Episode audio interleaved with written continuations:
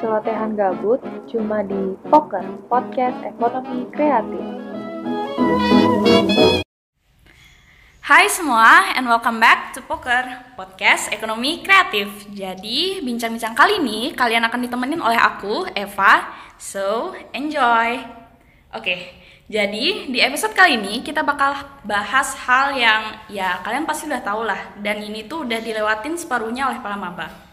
Apa itu? Tentunya ospek. Oke, jadi sebelum kita uh, bahas lagi, penting nggak? Uh, penting kan kita tahu apa itu ospek. Jadi ospek itu adalah kependekan dari orientasi pengenalan kampus. Nah, aku salah baca. Jadi, ospek itu adalah e, kependekannya dari orientasi pengenalan kampus, di mana kegiatan ini tuh sebenarnya bertujuan untuk memperkenalkan kehidupan kampus bagi mahasiswa baru yang nantinya bakal menghadapi dan menjalani kehidupan perkuliahan yang sayangnya nggak seindah sinetron-sinetron. Aduh, aku sedih deh kalau ngomongin kayak gitu. Oke, okay.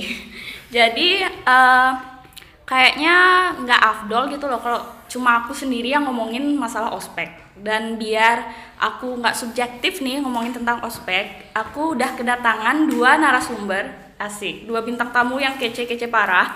Jadi untuk para dua bintang tamu kita aku persilahkan untuk memperkenalkan diri. Dari Jordi dulu mungkin. Jordi. Jordi. Jordi. J O D. Jody iya. Bukan Jody nggak? Apa? Oke silahkan siapa yang mau kenalan duluan Uh, halo semua, ya, kenalkan aku Jody dari Visip Angkatan 2020, Maba ya masih Maba. Asik.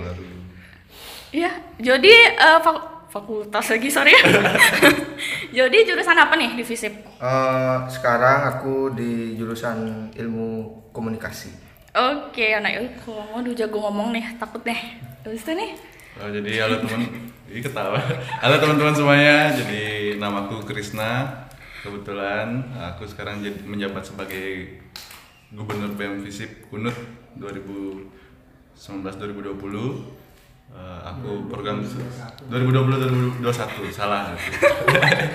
Aku uh, jurusan ilmu politik 2017 aduh aduh udah dengarkan uh, dua narasumber kita yang kece parah, duh aku jadi kayak minder gitu loh berdiri berdiri lagi duduk di sini dia duduk di sini di antara mereka berdua. Oke, okay. tadi kan aku udah ngomongin tuh apa tuh ospek, aku udah ngejelasin ya ospek ya kira-kira itu ya anggaplah itu versi aku kan. Jadi kalian pasti pengen dengarkan apa sih itu ospek di mata dua orang ini gitu. Jadi aku mau tanya ke kalian apa sih itu ospek menurut kalian? Dimulai dari uh, Kak GK dah yang lebih tua. lebih tua. Jadi kalau ospek itu kan tadi singkatannya orientasi uh, pengenalan kampus. Nah ada definisi orientasi dan pengenalan. Eh sebenarnya mirip mirip-mirip antara orientasi dan pengenalan. Uh, kalau secara personal bagiku adalah memperkenalkan ke mahasiswa baru gimana kehidupan berkuliah misalnya uh, tata cara berbicara dengan dosen. Paling tidak cara menghubungi. Ada jam-jamnya.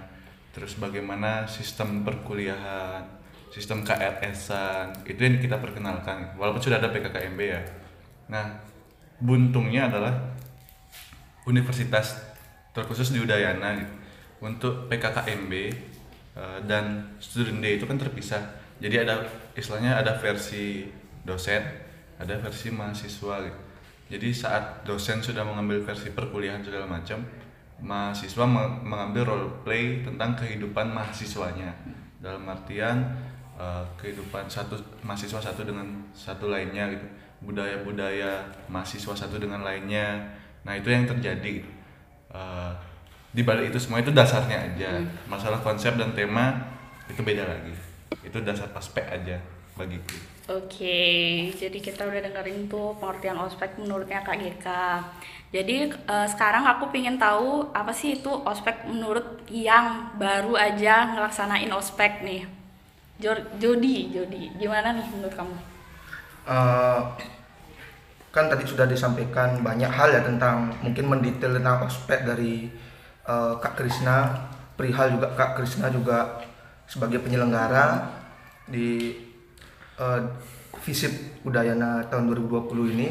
Jadi kalau aku sih sebenarnya sebagai maba ya menghadapi ospek itu kan sebenarnya eh, kalau bisa dikatakan eh, ospek ini seperti acara yang memang udah sebenarnya udah udah sering kita hadapin kita sebagai mahasiswa atau kita sebagai seorang siswa sebelumnya mulai dari MOS atau yang kita sering sebut MPLS sekarang ya jadi nama nama barunya MPLS jadi kan eh, konsep acaranya mirip-mirip. Jadi kita mengenalkan kehidupan sekolah atau kampus kepada eh, mungkin kalau di kehidupan kampus itu mahasiswa barunya. Eh, cuman eh, aku mau nambahin sedikit. Mungkin di sini di ospek ini juga eh, bisa sebagai ajang kita terutama kakak-kakak eh, di universitas mungkin untuk eh, menjalin relasi dengan adik-adiknya begitu juga adik-adiknya untuk mengenal kakak-kakaknya. Karena di kehidupan kampus itu kan udah jelas banget berbeda dengan kehidupan di sekolah ya. Jadi eh, teamwork bagaimana cara kita bekerja sama bagaimana cara kita hidup bermasyarakat kita mulai dari kampus. Jadi menurut saya kalau dijelasin definisinya kan sudah jelas tadi dijelaskan sama Kak Krisna. Tapi hal poin yang menurut saya penting dan memang jadi inti dari ospek itu sendiri ya kita untuk mempersatukan pemikiran atau mempersatukan visi misi kita sebagai seorang mahasiswa nanti karena kita akan sering bertemu dan memang di, dinaungi dalam satu kampus Oke, wah penjelasannya mantap banget nih gitu.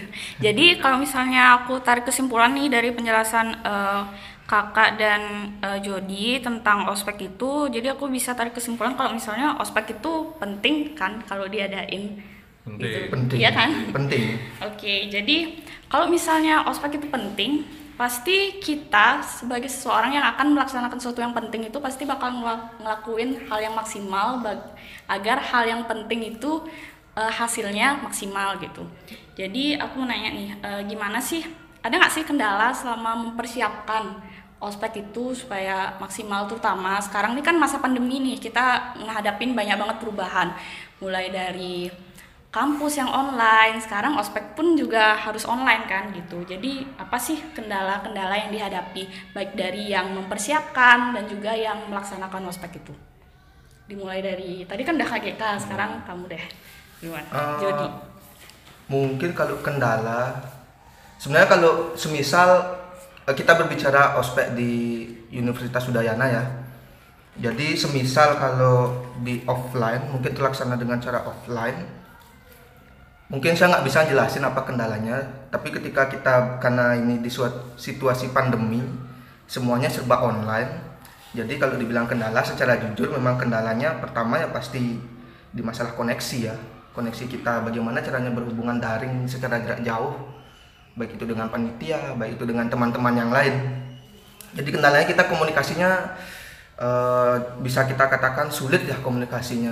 Jadi untuk kita ambil contoh aja mungkin di penugasan mungkin kita kurang paham. Karena penyampaian tugasnya kan masing-masing orang bisa nangkapnya berbeda tergantung persepsi masing-masing.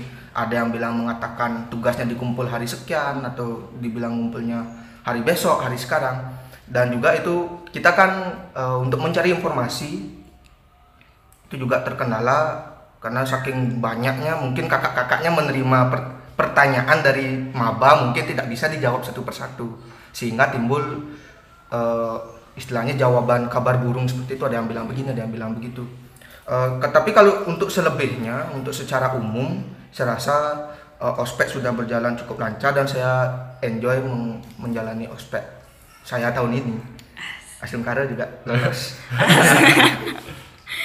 lolos ya iya kalau KJK kan tadi udah nih se- dia yang menjalankan ospek kalau kakak nih yang nyiapin ospek gimana Eh, aku bawa dari pelaksanaannya dulu ya. Mhm, Eh, Jadi udah dijelasin Mbak Jody juga. Sebenarnya permasalahan dari pelaksanaan itu dasarnya adalah kita tidak terbiasa untuk belajar daring, menerima informasi eh, tidak tatap muka langsung secara Ya, langsung betul. kan. Belum Jadi itu dah hal-hal yang tidak di- tidak bisa disampaikan secara online itu banyak.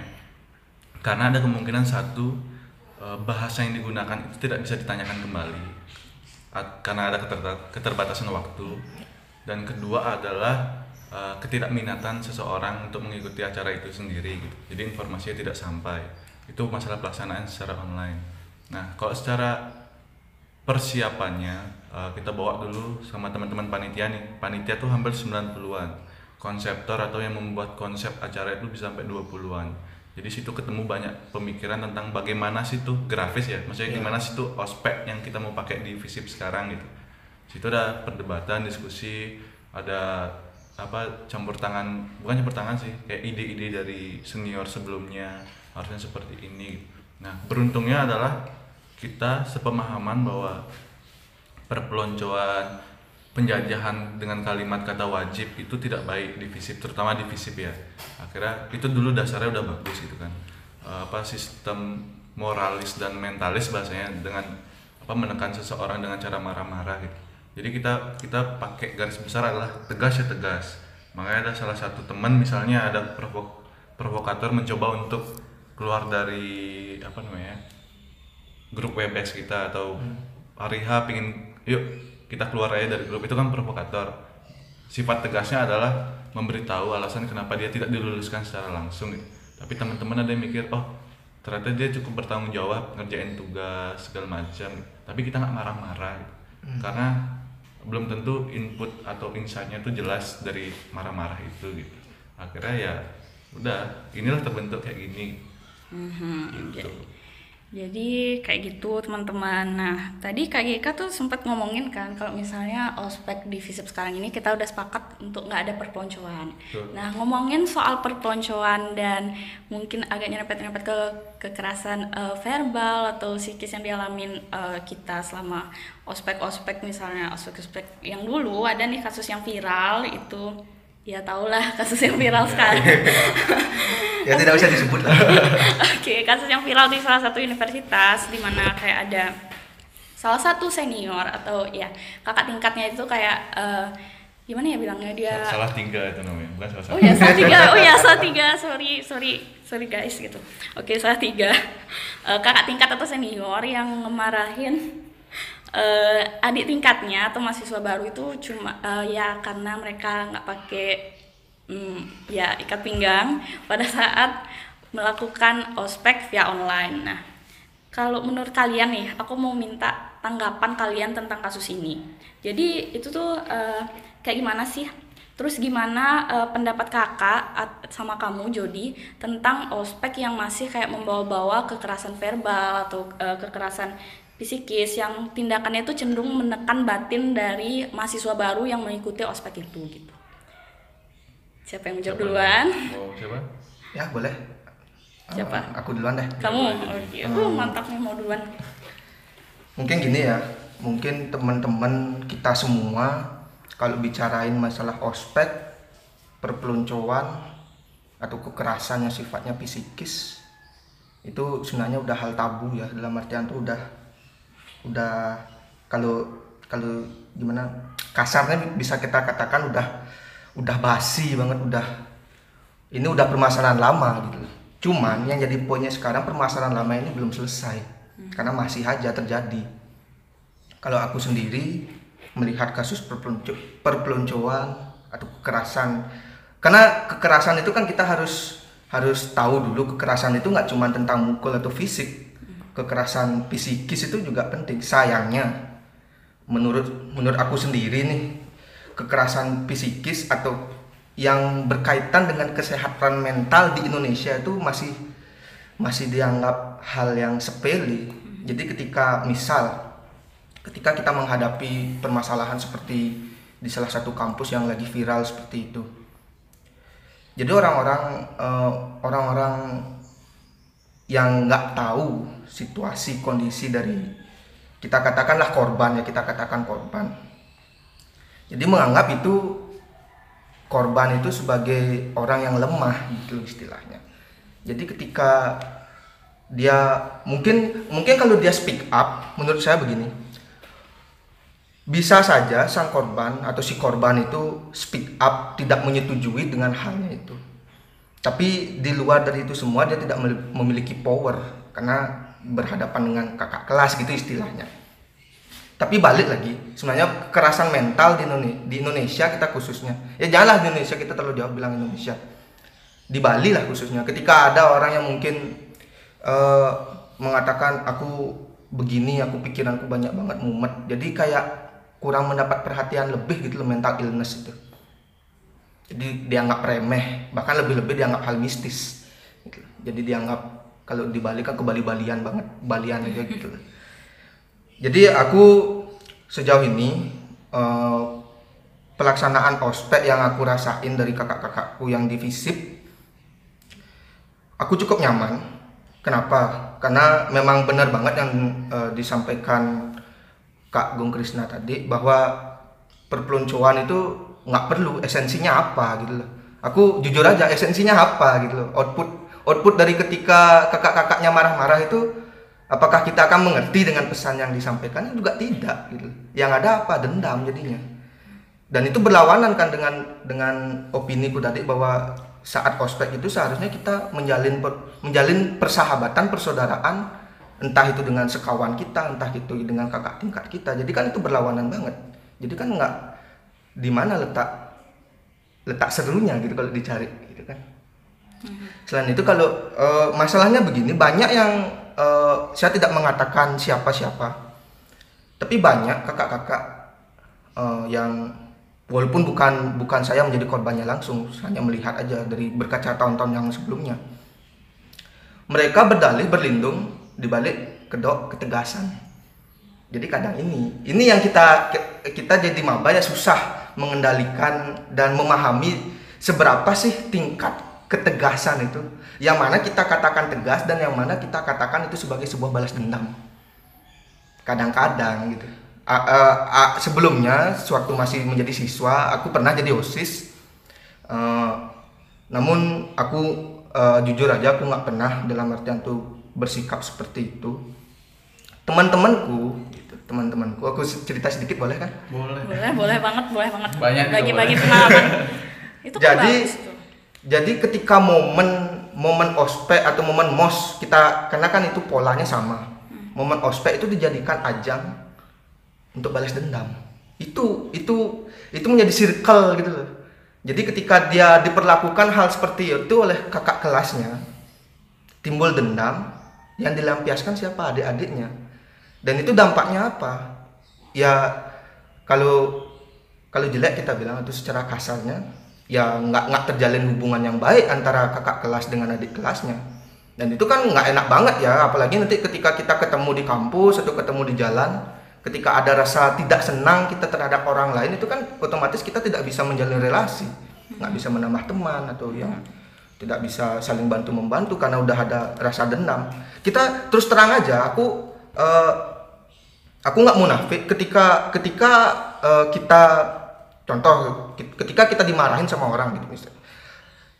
Pasti secuil di hati itu pasti ada rasa nggak terima. Itu manusiawi. Cuman sekarang kita kan uh, jadi mahasiswa ya ayolah kita berpikir. Kita janganlah mem membudayakan hal yang nggak nggak nggak guna. Udah nggak zaman gitu istilahnya. Udah nggak zaman lagi kita marah-marah seperti itu. Itu kalau kalau aku dari segi segi pelaksanaan teknisnya ya hmm. tapi kalau dari segi tugas-tugas ya memang itu memang dalam artian itu kita nggak boleh protes sebagai mahasiswa baru karena itu kan esensinya adalah edukasi untuk pendidikan. Cuman memang di pelaksanaan aja mungkin uh, harus kita bersama-sama membulatkan pikiran bahwa kesehatan mental itu penting walaupun memang banyak yang berdalih dari kata ketegasan kata disiplin itu dijadikan dijadikan kambing hitam kata-katanya itu. Ini biar disiplin. Ini biar satu lagi kata yang mungkin nggak basi kakak dulu lebih dari ini. Ya. uh, gimana ya? K uh, ketika mungkin kalau bisa saya sampaikan kepada kakak-kakak yang masih seperti itu kalau kakak udah tahu kakak sudah dulu jelek dalam artian itu diperlakukan tidak baik kenapa kakak turunkan ke kami? Gitu. Ayolah kita sama-sama jadi adik kakak kita jalin persahabatan yang baik. Kita bangun universitas bersama-sama mungkin itu aja sih. Hmm. terima kasih. Uh, dengar tuh kakak-kakak semua teman-teman yang mungkin dengerin podcast ini dengerin tuh suara hatinya Jody.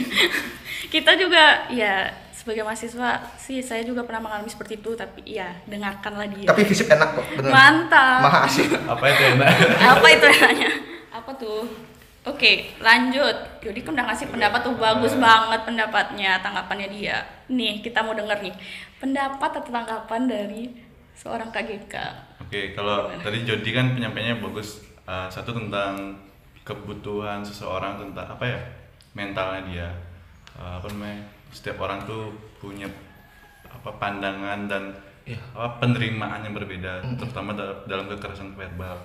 Yang kedua adalah tentang budaya yang masih dipertahankan. Udah tahu buruk, tapi jadi kayak rantai gitu, terus Iya. berulang berputar terus uh, hanya dengan apa ketegasan berkedok eh balas dendam berkedok dengan Ketegasan. ketegasan gitu kan.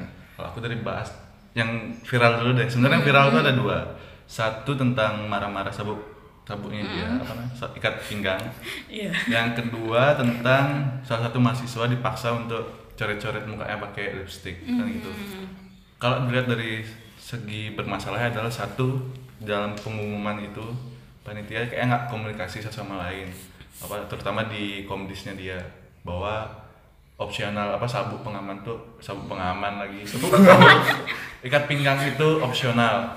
Terus eh, kok dilihat dari proses apanya namanya kok secara perkuliahan kita memang harus rapi di depan dosen seharusnya ya terus menampilkan wajah yang ya maksudnya jelas ke dosen tuh rapi segala macam. Tapi kalau penyeragaman dengan menggunakan baju batik eh, apa misalnya ada beberapa kostum-kostum yang harus seragam itu nggak terjadi di kampus itu missnya gitu. Apa sebenarnya definisi pengenalan kampus itu itu yang menurutku jadi masalah. Di luar ada konteks verbal tadi ya karena emang tiap orang tuh harus diperlakukan berbeda-beda. Nah, eh, melanjuti tentang perlakuan orang tiap beda-beda. Beruntungnya yang kita ajak bicara sekarang adalah Jody K gitu. Jadi bisa menerima sesuatu dan menanggapi apa ya maksudnya banyak dalam hal dalam banyak hal kita sepakat tentang ospek itu seperti apa gitu. Tapi ada beberapa mahasiswa yang ngerasa ini apa sih gitu. Kritiknya tuh berupa kemalasan dan ketidakinginan untuk mengerjakan sesuatu gitu. Itu yang masalahnya Jor. Jatuhnya malas Just- ya. Iya itu. Nah makanya uh, ada satu hal yang suka dari uh, terutama di FISIP ya cara cara apa sih namanya membedakan orang tuh dengan tiga ca- uh, tiga kartu merah kuning dan hijau. Di situ lihat kesalahan-kesalahannya seperti apa perlakuannya berbeda. Misal sebatas hijau dia pendekatannya ini kenapa ya dia ini terjadi. Mulai kuning adalah pencegahan-pencegahan dalam artian dibilang itu sangat nggak baik. Yang ketiga baru ada verbal. Tapi itu nggak nggak mengiyakan ini terjadi ya. Cuman menurutku itu cukup nyata bahwa ada orang-orang yang kuat dan harus seperti itu gitu. Tapi tidak semuanya, ya kan. Nah, yang terjadi adalah kalau bilang itu tabu atau enggak, kita lihat aja deh dalam kepanitiaan saat melakukan sesuatu pikir-pikir kalau ditampilin ke depan orang-orang kita bakal malu atau tidak maksudnya kita takut nggak sih karena ada beberapa kasus misalnya mau marah-marah bahasanya itu kan eksekusi Ya. mau eksekusi nih tapi harus di ruang tertutup Eh, bukan untuk memisahkan antara mahasiswa baru yang yang tidak salah dengan yang salah tapi untuk apa menjauhkan dari sana ada wakil dekan ada dekan karena tahu dekan tuh pasti nggak suka atau wakil dekan tuh pasti nggak suka gitu. itu tuh bentuk bahwa udah tahu salah tapi dicari tetap gitu disembunyiin nah itu salah satu perilaku yang salah kalau bisa sih kalau udah tahu salah ya jangan dilakuin gitu. terus kalau masalah balas dendam karena aku tiga aku mau wasu nih ber- berapa ya? Tiga tahun empat tahun malah mengalami itu gitu. Satu peserta tiga panitia dan ikut merancang gitu istilahnya ya. Eh, tidak ada istilah balas dendam di dalamnya gitu. Maksudnya nggak ada tujuan untuk aku seperti ini kemarin. Tapi bahasa-bahasa yuk kita lebih ringan dikit. Tapi aku lebih keras. Itu tuh ada bahasa kayak gitu. Cuman yang aku tangkap adalah kemalasan atau nggak kebuntuan orang untuk berpikir mau seperti apa ya caranya? Takut mengambil resiko gitu. Resiko ada dikritik mahasiswa resiko acara dikata-katain resiko tidak efisien resiko tidak seragam dengan fakultas lain resiko tidak seragam dengan universitas lain. Masih ada ego tentang eh kok santai ya fakultasnya? Eh kok santai universitasnya? Gitu. Masih ada ego itu di dalamnya. Gitu. nggak melulu soal balas dendam. Ya. itu sih dari aku Hmm, Oke, jadi yang bisa Eva tangkap di sini tuh sebenarnya eh, ospek dengan perpeloncoan itu kayaknya nggak banget gitu Nggak. ya. karena ya di seperti yang bilang Jody tadi kalau masalah mental illness di Indonesia khususnya dia kita di Bali itu juga masih kurang diperhatikan oleh orang-orang lain gitu dan ya janganlah kita ngikutin tradisi lama gitu loh. Kita nggak mungkin diam di satu tempat yang sama. Kita juga perlu beradaptasi dan mengikuti perubahan gitu. Oke. Udah nih topiknya berat-berat banget udah. Tarik nafas dulu kayaknya. Habis itu sekarang nih kayak kita udah memasuki penghujung acara asik. Oke. Eh, untuk ya pertanyaan ya anggaplah pertanyaan akhir gitu. Gimana sih pesan dan kesan kakak dan kamu Jody selama mengikuti eh, ospek? Lalu eh, gimana sih harapan nih harapan kalian untuk ospek selanjutnya? Gitu. Terima aku dulu. siapa aja boleh. Gimana? siapa yang mau siapa yang mau? Kak Gung aja tadi. oke. harapanku tentang ospek jadi eh, tidak membanggakan diri atau fungsionarisku Eh, aku aku merasa bahwa lebih baik mengambil sesuatu yang baru seandainya salah pun tahun depan bisa diperbaiki. Maksudnya nggak nggak yang se se nggak tahu diri itu. Maksudnya ya udah ambil ini itu ini itu seenaknya gitu. Nanti kalau jelek kalau kita jadi contoh yang jelek tahun depan jangan diikutin. Nggak gitu maksudnya. Kita berani tahun ini mengambil resiko-resiko satu banyak tidak disuka tentang oleh senior yang masih mempertahankan budaya. Hmm. dua eh, kekurangan uang. Ya pasti itu. Karena kita tidak menggunakan kata wajib dalam setiap hal gitu. Kata wajib yang kita pakai adalah eh, wa- sert- misal sertifikat ya. Itu memang harus digunakan dan berguna untuk yudisium untuk apa ujian proposal dan skripsi nanti. Jadi ada ada lanjutannya ke apa kelulusan tentang perkuliahan gitu. Itu baru bisa kita wajibkan tapi hanya untuk kebutuhan uang kita tidak kewajibkan. Kita hanya pendekatan persuasif. Eh, terus eh, untuk aspek selanjutnya adalah eh, kita lihat aspek tahun ini seandainya bermasalah kita cari cara yang baru. Nggak melulu kalau kita pakai oh budaya tahun lalu atau aspek tahun lalu udah bagus kita pakai lagi. Itu bisa dua arti. Satu tidak mau mencari konsep baru. Dua mungkin emang itu yang terbaik cuman saranku sih terus coba aja terus gali. Karena satu tahun masa kepengurusan dan mencoba satu ospek itu tidak cukup. Iya. mari kita jadi bagian yang lebih baik. Nggak harus kita kok yang terbaik. Gitu. jadi bagian aja udah cukup bangga gitu. jadi hargai uh, ka- kalimat uh, memanusiakan manusia. Harus menghargai namanya mahasiswa baru. Dia membayar untuk kuliah. Harus diperlakukan istimewa seharusnya ya. Uh, berbeda dengan orang yang bekerja. Orang bekerja itu dipres karena dia digaji. Ini enggak mahasiswa itu datang membayar ke universitas yang cukup mahal hanya untuk diperlakukan seenaknya oleh senior. Itu nggak boleh menurutku. Ya. itu sih dari aku. Yang penting semangat aja. Terutama Jo- Jody ini yang baru masuk nanti kan bakal menggantikan menggantikan orang-orang selanjutnya. Semangat Jo. Yuk, oke lanjut. Jody gimana? Pesan-pesan dan harapan? kalau pesan dan kesan mungkin yang pertama aku ngucapin terima kasih dulu nih sama kakak-kakak panitia grafis. Jadi karena ospeknya eh, kalau boleh jujur sebenarnya di era pandemi saat ini kalau kita bilang feel masalah feel ya masalah kesan ospeknya bagaimana ya tetap eh, s- ada ada feel yang kurang yang nggak bisa kita rasain saat kita online dan memang feelnya itu memang hanya kita dapat ketika offline aja. Itu itu harus kita akui memang betul. Tapi dari segi pelaksanaan teknis dan bagaimana sikap kakak-kakaknya entah itu dari yang di balik layar atau yang berhadapan langsung dengan adik-adiknya saya merasa senang disambut sebegitu hangatnya oleh kakak-kakak. Eh, walaupun ada sedikit rasa kenapa seperti ada perbedaan ospek grafis ya kita katakan grafis ada sedikit eh, kok ada perbedaan ya antara grafis dengan ospek-ospek yang lain. Tapi eh, kembali ke opini saya yang awal jadi benar-benar dalam artian tuh kakak-kakaknya menghargai kehadiran kita. Kalaupun mungkin dari teman-teman saya atau saya sendiri yang mungkin salah atau tidak tidak ngeh dengan perhatian kakak-kakaknya mungkin di sini saya jadikan tempat untuk meminta maaf untuk kakak-kakak dan semua yang terlibat di balik layar grafis 2020 kemudian untuk harapan atau bagaimana ke depannya untuk ospek ini mungkin secara arti luas saya mengutip kata-kata dari Kak Gung Krisna kita harus bisa memanusiakan manusia seperti itu loh.